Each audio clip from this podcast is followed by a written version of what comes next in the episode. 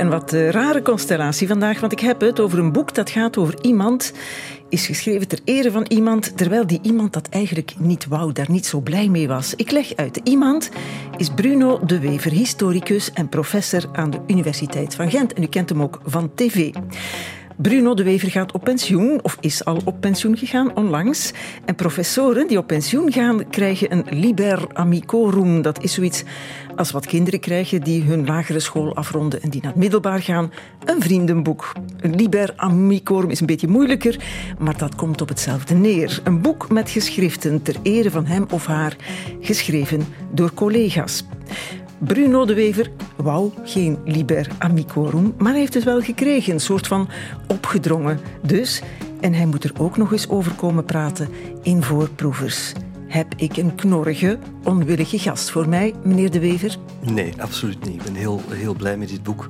Um, vooral omdat het echt een, een, een, boek is geworden. Het probleem met een, een Liber Amicorum, een vriendenboek of festschrift, in het Duits klinkt het nog wat plechtiger, uh, is dat er vaak ja, een soort van amalgaan is van teksten waarvan je denkt, ja, dit is geen boek. Terwijl mijn collega's hebben er echt een boek van gemaakt. Het zijn stuk voor stuk lezenswaardige artikels die ook allemaal gaan over hoe geschiedenis werkt in de publieke ruimte. En daar kan ik alleen maar blij mee zijn. Dus wat jij vooraf knorde van onleesbaar en ongelezen oefening in academische ijdelheid, dat trek jij bij deze terug? Ja, maar ik voel me natuurlijk wel gestreeld in die ijdelheid. Dat uh, uh, vier geweldige uh, collega's die, die bij mij een Prussers geschreven hebben, die het willen doen voor mij. Ik heb hen gezegd, zij zijn het beste wat mij overkomen is in mijn academisch leven. En dat dat herhaal ik bij deze. Het voordeel tegenover een fruitmand of een fietsoutfit is dat iedereen kan meegenieten van zo'n boek. Het ligt in de winkel. Ik heb ervan genoten. De luisteraars zullen daar zo meteen hopelijk van genieten. Straks ook de podcast-luisteraar. Ik kon niet al die uh, amicis zo spreek ik dat uit, uitnodigen, hè, van dat Liber Amicorum. Dat was wel tof geweest, zo'n feestje op de radio. Maar ik heb één Femina Amicus uitgenodigd. Ze heet Giselle Nat. En ze komt er zo meteen bij. Voorproevers. Twee gasten dus. De ene is Bruno de Wever, net op pensioen gegaan als professor geschiedenis. Een ras-echte Vlaming, schreef het Nieuwsblad. Om die reden hard werken, maar zodra het kan, op pensioen. Meneer De Wever is 63, amper. maar er is nog leven na het werk, niet waar, meneer De Wever? Dat is zo en het werk houdt niet op. Hè. Uh, dat is toch een van de voordelen, denk ik, die je hebt als academicus, en zeker academicus in, in mijn sector, is dat je kunt ja, voortaan geschiedenis blijven doen. Hè. Ik ga nog wel schrijven. Ik heb uh, zeer veel voordrachten voor de boeg. Ik ben nog hoofdredacteur van een tijdschrift, WT, tijdschrift voor de geschiedenis van de Vlaamse beweging. Ik zit nog in tal van wetenschappelijke raden. Dus nee, nee, mijn dagen zijn goed gevuld, maar ja, het, het dagdagelijkse routinewerk uh, moet niet meer. En dat is goed. Ja, pensioen is relatief, begrijp ik. Ik gebruik het woord emeritaat niet nadrukkelijk, want dat haat je, dat woord lees ik. In het liber amicorum dat jij gekregen hebt, dat je eigenlijk ook haatte. Hè? In, in de opstelling waarin het bedoeld is dan. Ja, haat is een groot woord, maar ik vind dat er heel veel pretentie is uh, in de academische wereld en al die uh, Latijnse benamingen die onderlijnen dat ook het feit dat mijn collega's het leuk vinden om in, in jurken te verschijnen. Uh, ik vind dat zo raar. waarom, waarom moet dat nu eigenlijk? Dus ik ben op dat punt een zeer nuchter mens. En, dus ik, uh, het gaat mij vooral over de academische pretentie. Ja, de publieke historicus Bruno de Wever en zijn vak, dat is de titel van het boek vol opstellen van vrienden, collega's. En een van de collega's is hier ook te gast. Ze heet Giselle Nat. Dag Giselle. Hey. Uh, je bent historicus en journalist uh, voor de Standaard, gespecialiseerd in internationale politiek, met veel interesse voor China, hè, een van de hoofdrolspelers in de geschiedenis van tegenwoordig. Er zit uh, ook een podcastreeks van De Standaard aan te komen. Nee, die is er al over de oorlog in Oekraïne, daar zit je ook in. Net nu er een nieuwe oorlog is uitgebroken. Nu, je hebt geschiedenis gestudeerd. Was dat bij Bruno de Wever? Ik heb uh, les gehad van Bruno de Wever. was uiteraard een... Ja, ja, je ziet jezelf daar nog zitten in je eerste jaar. Luisterend. en later hebben we ook... we hebben vijf jaar, denk ik, in dezelfde vakgroep rondgelopen geluncht, uh, gedachten uitgewisseld. Dus ja, ik, Projecten samen gedaan, jouw, jouw project over de Eerste Wereldoorlog. Ja. Ja. ja, daar ging jouw thesis ook over, over de Eerste Wereldoorlog, de voedselbedeling Ja. in de Eerste Wereldoorlog. Meneer De Wever, jouw dada is ook de oorlog, Tweede Wereldoorlog, de Vlaamse beweging in die dagen. Ik sta er echt van te kijken hoeveel er nog altijd gepubliceerd wordt over die oorlogen. Hoeveel boeken er bij voorproevers nog altijd binnenkomen over de gebeurtenissen in België tijdens die oorlogen niet te tellen. Bijna is daar een verklaring voor? Ja, eh, heel veel van mijn collega's uh, benijden ons daarom. Hè. Uh, want natuurlijk, je, bent, je hebt geen enkel verdienste aan het onderwerp dat je bestudeert. Maar dat is zo, ja, hoe komt dat? Het zijn, het zijn zeer emotionele periodes in de geschiedenis. Het zijn periodes waarin heel veel mensen simpelweg voortijdig het leven verliezen door gewelddadigheden. En dat blijft, denk ik, mensen bezighouden. Het is het in het bijzonder de Tweede Wereldoorlog is ook het grote morele eikpunt uh, voor althans de Westerlingen met de, de Jodenuitroeiingen, de zogenaamde Holocaust. Dat wordt al maar belangrijker en uh, kunstenaars, schrijvers uh, willen zich verhouden tot, tot die geschiedenis. En in die zin zijn experten die daar iets over te melden hebben, ja, uh, zeer gewild. Ja, het... En boeken blijven maar verschijnen. Ja, het gaat verder dan die oorlogen blijkbaar, want de interesse in Vlaamse geschiedenis is er ook weer bij jonge mensen. Ik lees in de krant van professoren die zeggen: Mijn aula zit weer vol met jonge mensen. En wat zou de reden geweest zijn? Ik lees dit. Bon, geschiedenis. Ik weet niet hoe dat bij u zit, maar voor mij is dat iets waar ik af en toe iets over lees. En vooral wat ik vroeger op school heb geleerd. Op school ging het altijd over de Egyptenaren, de oude Grieken, de Romeinen. Maar het ging zelden over iets wat bij ons was gebeurd. Wat voor straffe verhalen zijn er allemaal gebeurd? Dat gaan we onderzoeken de volgende tien weken. En we beginnen vandaag met de grootste sprong terug in de tijd. En ik denk ook de moeilijkste.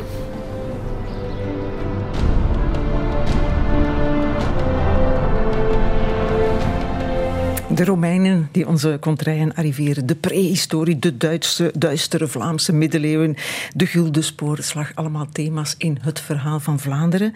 En naar het schijnt zijn jonge mensen daar helemaal vol van. En is dat een van de redenen waarom ze weer geschiedenis gaan studeren? Merken jullie daar iets van? Ik wil dat tegenspreken. Dat moet eerst en vooral eens onderzocht worden. Het toeval wil, het is onderzocht door een collega van Universiteit Antwerpen, Peter Stawel, die uh, echt een enquête gedaan heeft bij de eerstejaars uh, studenten geschiedenis. En het verhaal van Vlaanderen speelt geen enkel rol. En ik heb zelf een ervaring gehad. Ik heb in de loop van het vorige jaar in het kader van de geschiedenisolympiade voor nogal wat middelbare scholen uh, gesproken. En ik was in Limburg en er zaten een goeie 150 leerlingen. En ik had heel mijn verhaal moest spreken over nationalisme en natievorming uh, op het niveau van leerlingen 5 en 6. En ik had het helemaal opgebouwd rond het verhaal van Vlaanderen. En mijn eerste vraag was, wie heeft het verhaal van Vlaanderen gezien? Twee. Ja, die jonge mensen kijken. Dus ik betwist dat. Ik denk niet dat het verhaal van Vlaanderen voor jonge mensen een grote rol speelt in de, het succes van uh, blijkbaar de opleiding geschiedenis. Inderdaad, uh, voor Gent gaan we meer dan 40% uh, vooruit qua studentenaantallen. Het schijnt in Antwerpen ook zo te zijn. Leuven vermoed ik ook wel. dus ja. Het is een fijne vaststelling, hoe dan ook, hè, wat dan ook de reden is. Wat hebben die als job voor ogen? Hebben jullie daar zicht op? Giselle zit, uh, is een van de sterjournalisten van de Standaard. Dus uh, ik denk dat uh, ja, heel veel studenten die geschiedenis studeren niet meteen een, een, een, afgeleide job voor ogen hebben. Je hebt altijd wel een groepje die echt leraar geschiedenis wil worden. Overigens, leraars geschiedenis, dat blijkt dan wel uit de enquête van Peter Stabel. Die zijn echt richtinggevend. Hè. Uh, een derde uh, noemt de leraar geschiedenis als eigenlijk de, de belangrijkste trigger om, om uiteindelijk geschiedenis te gaan studeren. Um, dus je hebt een groepje die echt leraar geschiedenis wil worden, maar voor het overige denk ik dat een heel brede cultureel veld en een journalistiek veld en een erfgoedveld, musea, erfgoedinstellingen, dat dat wel uh, ja, uh, het, het, het uh, toekomstperspectief is dat veel van die historici voor ogen hebben. Ja, ja, kiezen voor die opleiding is ook altijd wel een beetje een sprong in het duister. Ik herinner me in de tijd dat wij daaraan begonnen, dat er ook vlak af werd gezegd van, zou je dat nu wel doen? En dat is toch niet rendabel, is niet nuttig. Maar ik denk dat mensen, zeker ook jongeren, ze voelen wel de kracht van een verhaal en goede verhalen kunnen vertellen met, met inhoud, met, um, verhalen die ook nog een impact hebben op hoe je de maatschappij rondom jou vandaag is. Ik denk dat dat mensen aantrekt. Ja, ja, ja. Want daar gaat het stuk over dat jij in het eh, Liber Amicorum hebt geschreven. Hè? Hoe, hoe breng je geschiedenis over? Hè? De publiekshistoricus die Bruno de Wever is of geweest is. Hè? Daar gaat het over hoe die rol zal ingevuld worden, moet, moet ingevuld worden, uh, zal moeten ingevuld worden. We zullen eerst eens kijken hoe dat was. Hè. Lang geleden, niet eens zo lang geleden, vroeger zullen we zeggen. Een goedenavond, kijkers. Zes jaar geleden aanvaarden wij de opdracht een beeld op te hangen van hetgeen de collaboratie tijdens de Tweede Wereldoorlog in ons land is geweest. Toen hebben we moeten vaststellen dat België, zo we dat nog niet wisten, eigenlijk verscheidene keren uniek is. Het is om te beginnen opvallend hoe bijzonder weinig in ons land, in tegenstelling tot elders, over de Tweede Wereldoorlog en dan vooral over de collaboratie is gepubliceerd. Voilà, dat was, uh, ik, sorry dat ik u onderbreek, eh, meneer De Wilde, Maurice De Wilde, maar dat was dus de opperpubliekshistoricus Maurice De Wilde. Dit is er een andere. De VNV gedraagt zich eigenlijk gedurende heel de bezitting zeer loyaal in feite. Men kan hen dat verwijten, zeggen, gedragen zich veel te loyaal.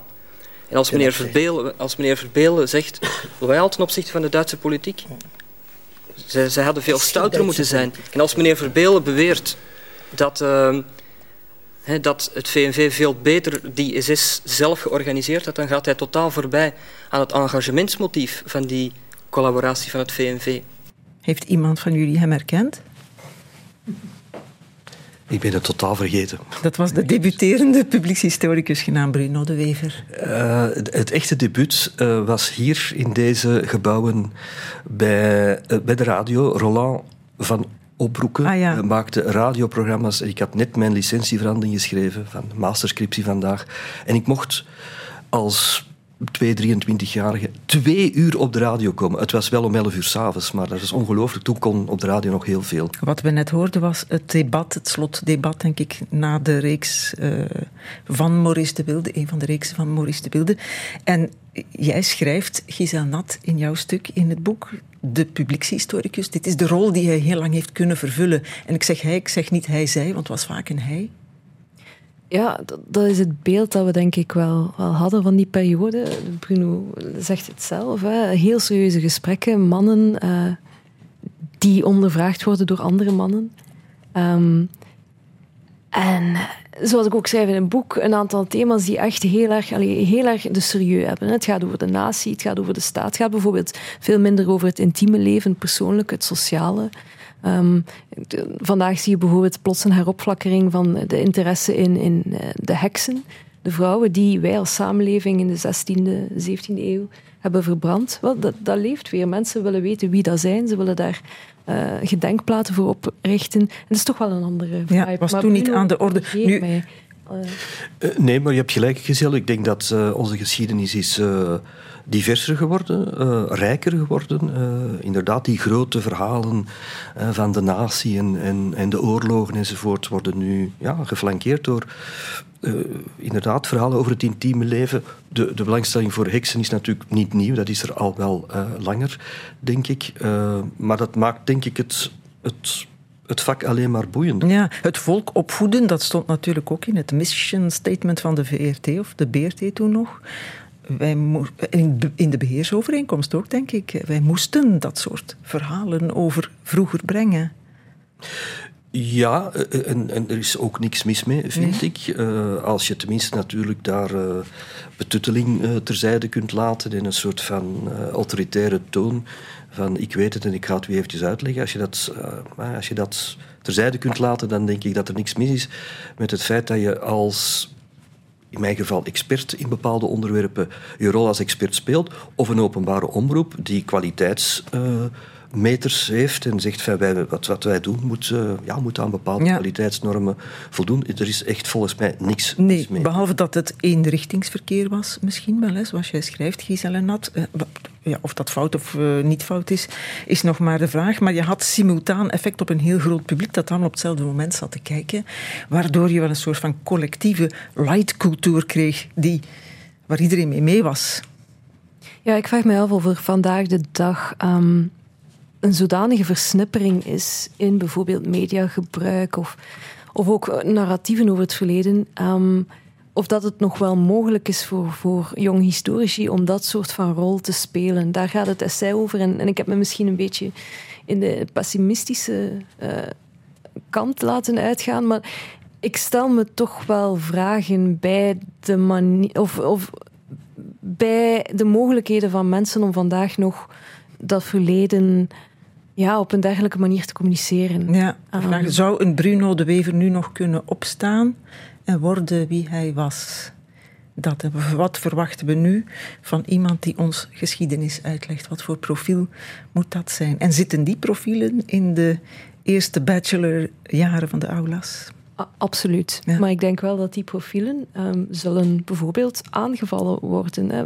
Onlangs hadden we een hele discussie waarbij zelfs een, een, eh, tenor van het universitaire leven bepaalde lezingen van het verleden afdeed als woke. En woke is een gevaar. Terwijl het vaak gaat over gewoon ja, het naar boven brengen van geschiedenis. Um, ja, ik schrijf erover in het essay, dat zijn aanvallen, maar dat zijn, er zijn ook filterbewegingen. Uh, zulke mensen moeten, denk ik, meer dan Bruno vechten voor aandacht in een soort van op, steeds versnellende aandachtseconomie. Ja, want de wereld is veranderd, het publiek is veranderd, de media zijn ingrijpend veranderd. Dus komt er ook een nieuw soort van geschiedsvertelling. Hoe dan ook, daar zullen we het zo meteen eens over hebben. Over de publiekshistoricus of de huishistoricus hebben we de nieuwe Bruno de Wever. De jonge mensen die nu aan de Vlaamse universiteiten blijkbaar weer in grote aantallen geschiedenis studeren. Daartoe geïnspireerd door Tom Waas, en zijn verhaal van Vlaanderen door al die geschiedenisleraars die goed bezig zijn in Vlaanderen. Uh, of die misschien een soort van Bruno de Wever voor ogen hebben om dat te worden. Later op tv of TikTok of wherever daarover hebben met Bruno de Wever en met Giselle Nat. Wat al zeker is, is dat de VRT een forum zal blijven hè, voor historici. Want dat staat in onze beheerovereenkomst nog altijd. Zal er ook in staan in de volgende informatie zullen we moeten verstrekken.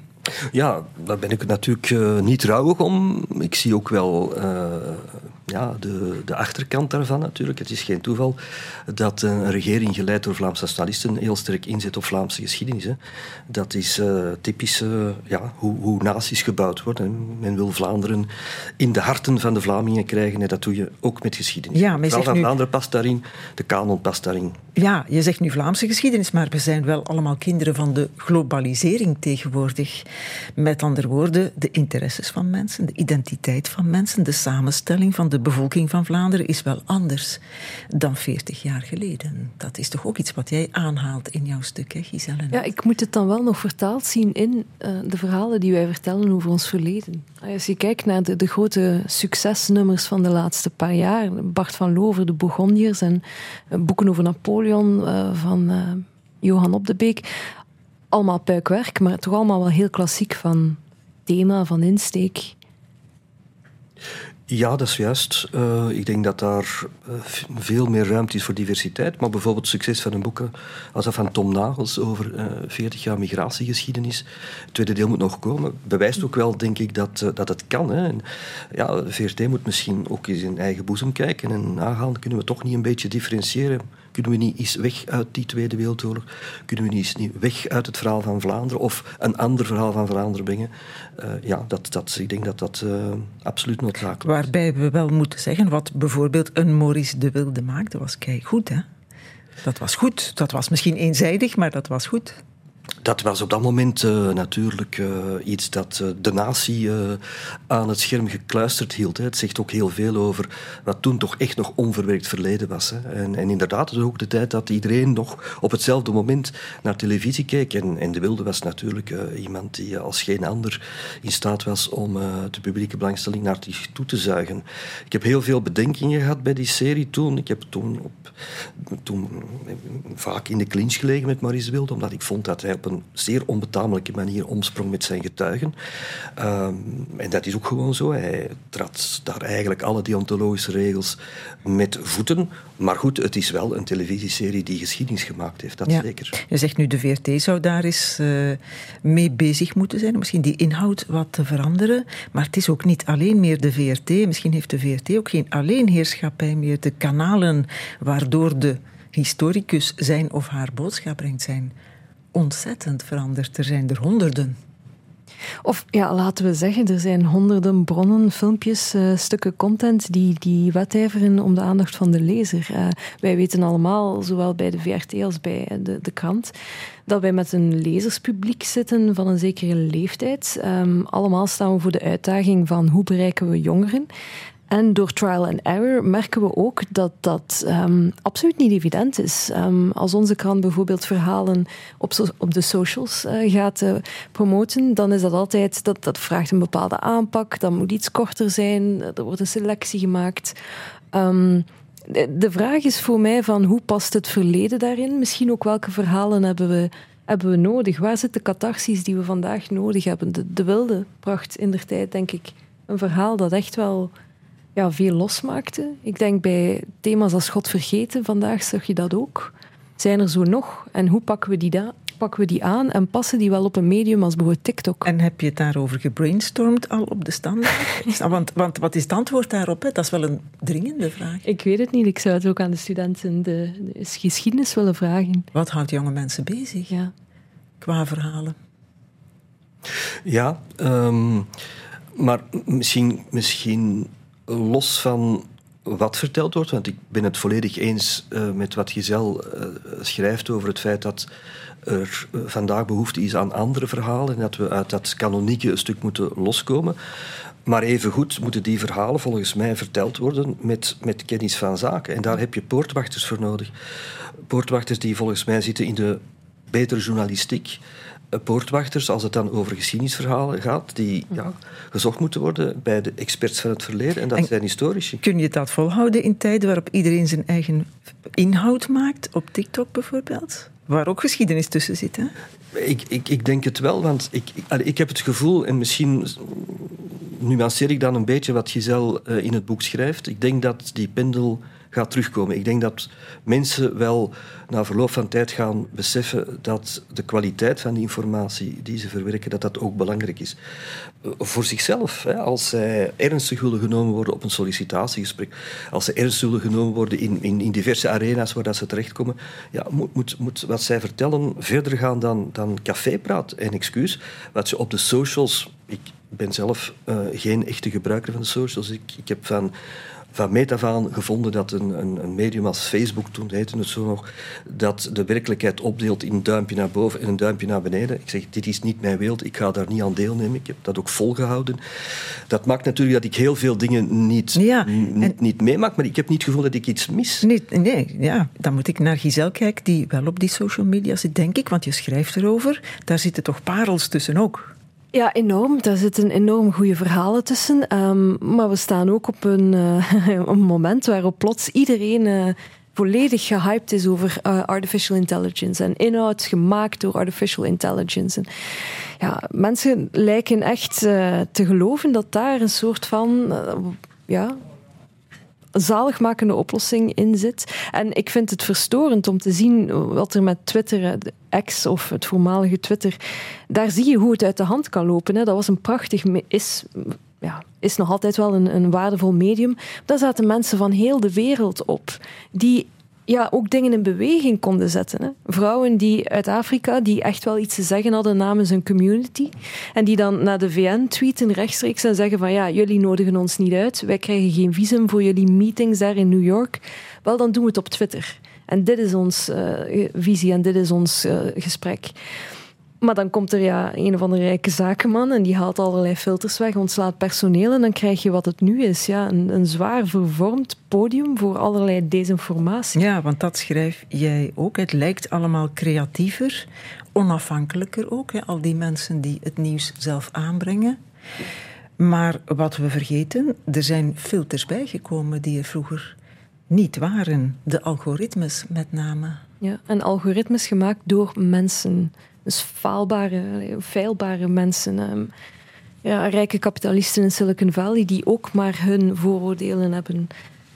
Um, het is toch wel... En die bepalen wat interessant is voor de mensen. Die dat voorlopig nog kunnen, ja. Nee, ik denk wel, er, het is altijd mogelijk dat er een tegenbeweging komt. Ik geloof daar ook echt in. Dat er, dat er ook nieuwe vormen van etiketten gaan ontstaan bij uh, gebruikers. Um, maar dat heeft tijd nodig. Ja.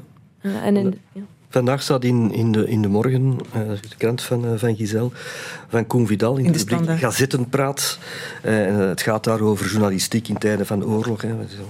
Vreselijke gebeurtenis van de laatste dagen. Schrijft hij kritische onafhankelijkheid, evenwicht, gematigd, accuraat.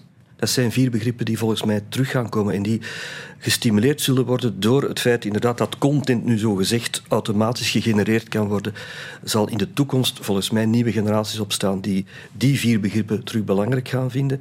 En dan kom je terug bij de expert. En dat, die, die experts zullen veel, veel uh, divers, diverser zijn en, inderdaad veel mondialer zijn dan vroeger. Dat is, dat is uitstekend, maar je moet wel weten waarover je praat. Niet iedereen die uh, zijn stem verheft, heeft evenveel te zeggen over een. Nee. Expertise is hard werk. Dat betekent ja, u inlezen, uh, zorgen ervoor dat je de, de facts wel juist hebt. En dat is toch ongelooflijk belangrijk in deze tijden van fake news. Ja, maar wat te denken van bijvoorbeeld dit?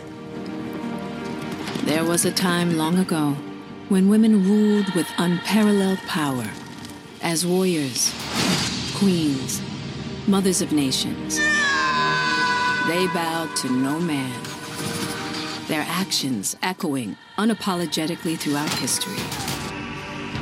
And there is none among them more iconic than Cleopatra. Vixen or strategist, collaborator or maverick, her legend has been retold for millennia. But few know the real woman, her truth. I am Isis. Het uh, klinkt als het verhaal van Vlaanderen in het Engels, maar het is de docu-reeks, docu-drama-reeks eigenlijk. Queen Cleopatra op Netflix. Is dat een voorbeeld van goede geschiedschrijving of niet? Ik heb het natuurlijk nog niet gezien. Het lijkt me heel inspirerend voor mensen om ook eens het uit het verhaal van een zwarte koningin Ja, haar horen. kleur, de kleur van de actrice was zelfs een beetje gecontesteerd, heb ik daarover gelezen. Ik zou het nog moeten bekijken, maar ik denk wel, het klinkt Amerikaans, het zal dus ook wel Amerikaans zijn. En een typische, uh, typische bias in allerlei Amerikaanse cultuurproductie is dat het ook heel erg op het individu gericht, een, een verhaal van uh, heroïsche successen en mislukkingen, moeten we toch ook wel soms wat ja, tegengas tegengeven. Um, er dreigt op hun manier ook wel een vervlakking in te sluipen. Ik ben bijvoorbeeld heel benieuwd wat de nieuwe verfilming over het leven van Napoleon door Ridley Scott, die komt eraan.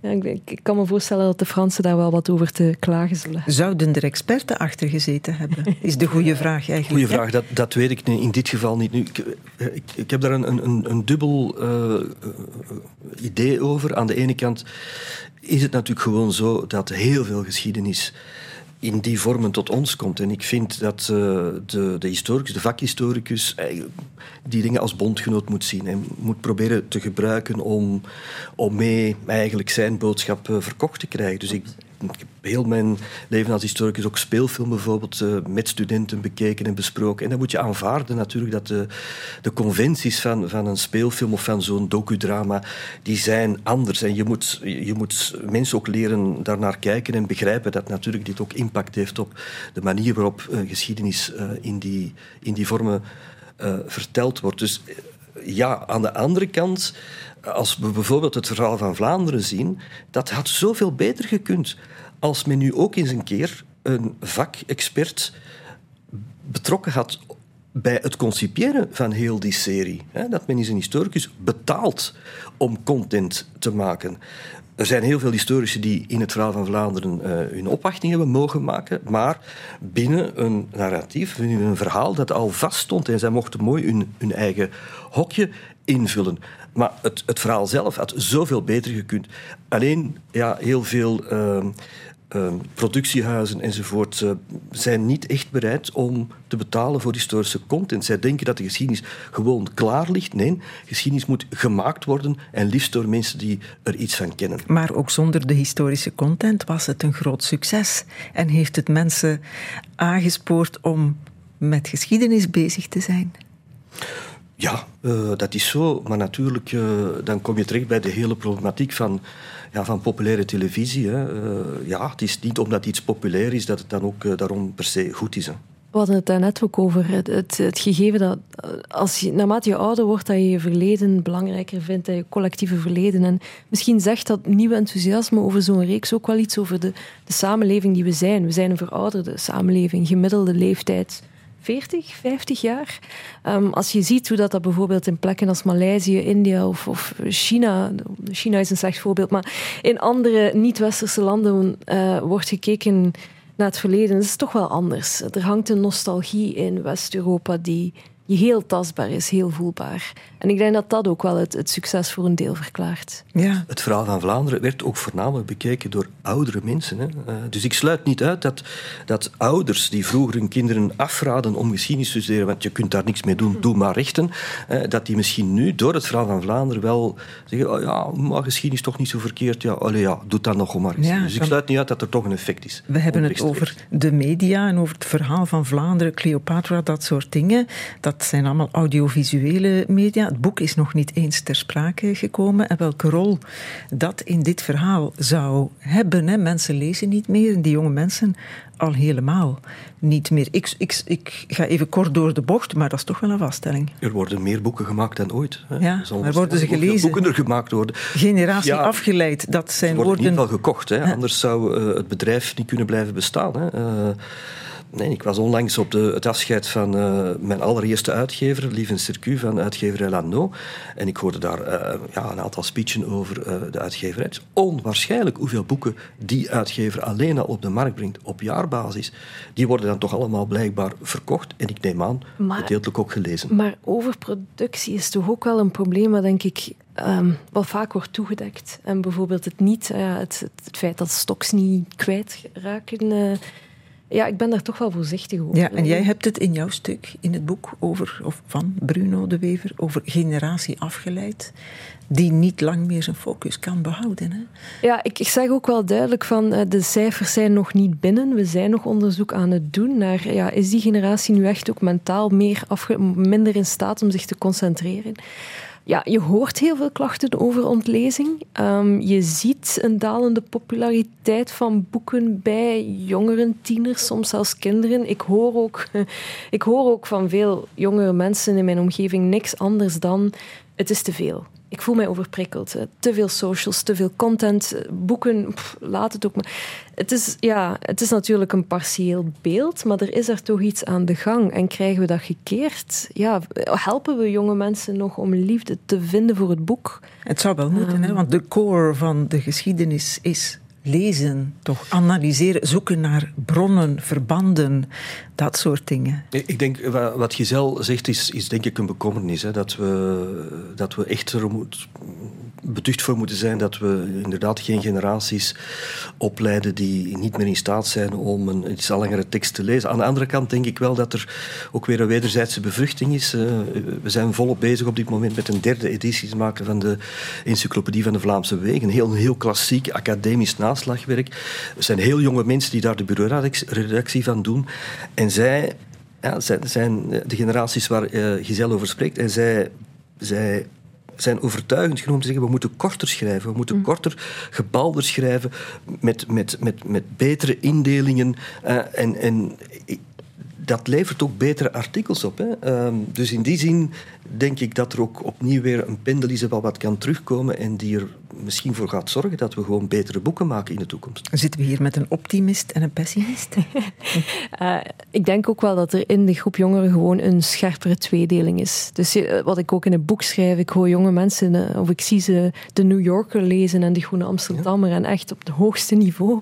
En anderzijds, als mijn collega Klaas Maanhout ontdekt dat, wat, wat was het, een hele groep jongeren in het beroepsonderwijs niet in staat is om een, een, tekst, een functionele tekst, te lezen en te interpreteren, ja, dat is een enorme blamage voor de Vlaamse regering. Een enorme blamage voor het Vlaams onderwijs. Je laat mensen in de steek. Dan gaan we zo meteen een profielomschrijving maken, taakomschrijving van de nieuwe huishistoricus. En zo zitten we bij dat profiel van de publiekshistoricus, laten we zeggen in 2030. Wat voor iemand zal dat moeten zijn? Die jonge mensen nu in de aula's, wat voor publiekshistoricus zullen die moeten worden? Of gaan we weg van de academici en wordt iedereen, heeft iedereen de kans om publiekshistoricus te worden? Um, er zijn verschillende profielen. Hè. Dit is bijvoorbeeld een historicus. om de rijke inzichten die recent academisch onderzoek hebben opgeleverd te combineren met de vaak nog veel rijkere inzichten die ik ontleende aan gesprekken met Congolezen. En ik heb inderdaad ja, heel veel mensen gesproken. En het is geweldig, want daardoor krijg je toch een ander perspectief.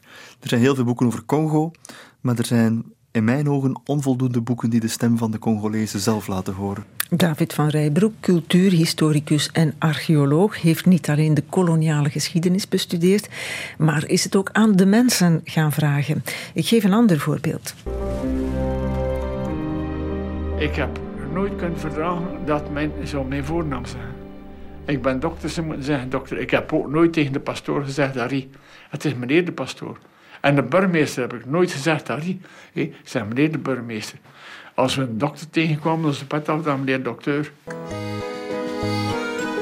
Dat is ook geschiedenis, hè, meneer Dokter uit 2009 over de maatschappelijke rol die huisdokter speelde in de jaren 40, 50 en 60. Gemaakt door onder andere Arnoud Hoube. Die is geen historicus, geen academicus. Die heeft film gestudeerd en hij maakt nu bijvoorbeeld interview met de geschiedenis, interviews met onze Belgische koningen.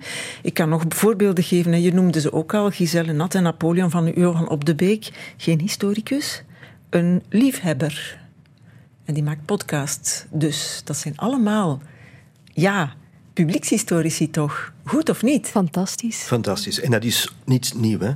Uh, wij hebben een vak dat inderdaad beoefend wordt door mensen die er niet voor gestudeerd hebben en die daar soms uitstekende dingen mee doen. Dat is echt ook al oud hoor. Ik bedoel, uh, lokale historische verenigingen zitten vol met vrijwilligers die prachtig werk doen. En inderdaad, in de media zijn er uh, qua podcasts vandaag dingen te beluisteren die, die echt zeer goed zijn. En chapeau. Uh, en dat is toch, maar dat, ja, die diversiteit. Ik voel mij als historicus niet uh, daardoor bedreigd. Wel in tegendeel, het, het, geeft mij aanknopingspunten om, om de dialoog aan te gaan. Ja, maar wat wel opvalt en wat jij ook al aanraakte, Giselle Nat, het zijn wel oerklassieke thema's allemaal. Hè? Napoleon, Leopold II, de Bourgondiërs, niet te vergeten met mannelijke hoofdfiguren, ook heel vaak. Ja, ik denk dat er wel een, Er is natuurlijk een nieuwe lichting. Um, er is een groot aanbod van allerlei historische thema's. Um, maar wat, wat, ons jonge, afgestudeerde historici vaak ook werd gezegd, was: je moet flexibel zijn. Je moet natuurlijk heel flexibel zijn ja, hoe ver drijf je dat door? Uh, ga je jarenlang gratis werken aan het, het, leveren van content? Ik denk dat dat een aandachtspunt is hè, voor, uh, voor alle jonge starters. Um, maar dan specifiek voor, voor historici. Ik herinner mij nog uh, Captains of Industry, die op de uitreiking van de scriptieprijs gewoon tussen de champagne door. Hè, jammer dat de scriptieprijs naar een historica is gegaan hadden toch wel liever gezien dat het naar iets productiever ging. Ja. Dus we zouden moeten vechten tegen dat cliché van uh, wat de historicus doet is optioneel. Uh, dat is maar iets wat eigenlijk niet veel waarde heeft en ook niet veel vergoeding of waardering verdient. Ja. Ja, want meneer Houwe wordt wel betaald, hè, neem ik aan, voor, uh, voor wat hij maakt. En, uh, en dus ja, uh, content mag geld kosten en geschiedenis ligt niet voor het grijpen. Geschiedenis moet worden gemaakt. En als je een expert nodig hebt, ja, moet je die ook willen betalen. En dat is een, een inzicht dat toch heel moeizaam doordringt. Er is in Nederland bijvoorbeeld een heel uitgebreid landschap van stichtingen, hè, geloof ik, die, die echt heel enthousiast historisch onderzoek sponsoren, produ produceren enzovoort. In Vlaanderen is dat toch allemaal wat beperkter van schaal. Dus je ziet ook hoe meer ja, geldschieters of partners of initiatiefnemers dat je hebt, hoe rijker uh, je geschiedschrijving en je collectief geheugen kan zijn. Ja, en gaan we nu somber eindigen of niet? Nee, Altijd nee, optimistisch. Dat moeten we niet doen, hè. Want jou, jouw stuk eindigt ook wel begeesterend, hè, uh, Giselle Nat, met de woorden: Mensen zijn sterfelijk, net als ideeën. Een idee heeft de verspreiding onder het publiek net zo hard nodig als een plant water. Ja, geschiedenis is een fantastisch vak. En uh, fantastischer nog als je ja, bepaalde conventies kunt uitdagen ook. Met andere woorden, de historicus moet blijven zijn ideeën verspreiden. Daar ben ik het helemaal mee eens. De maatschappij zal altijd blijven zoeken naar brugfiguren tussen verleden en heden. Met andere woorden, Bruno's opvolgers zullen niet in hetzelfde systeem kunnen functioneren, maar ze blijven nodig. Laat ons dat hopen. En ik ben voor mij is het, het, glas altijd half vol, heb ik al gezegd. En dus ik, ik geloof er wel in, ja, absoluut.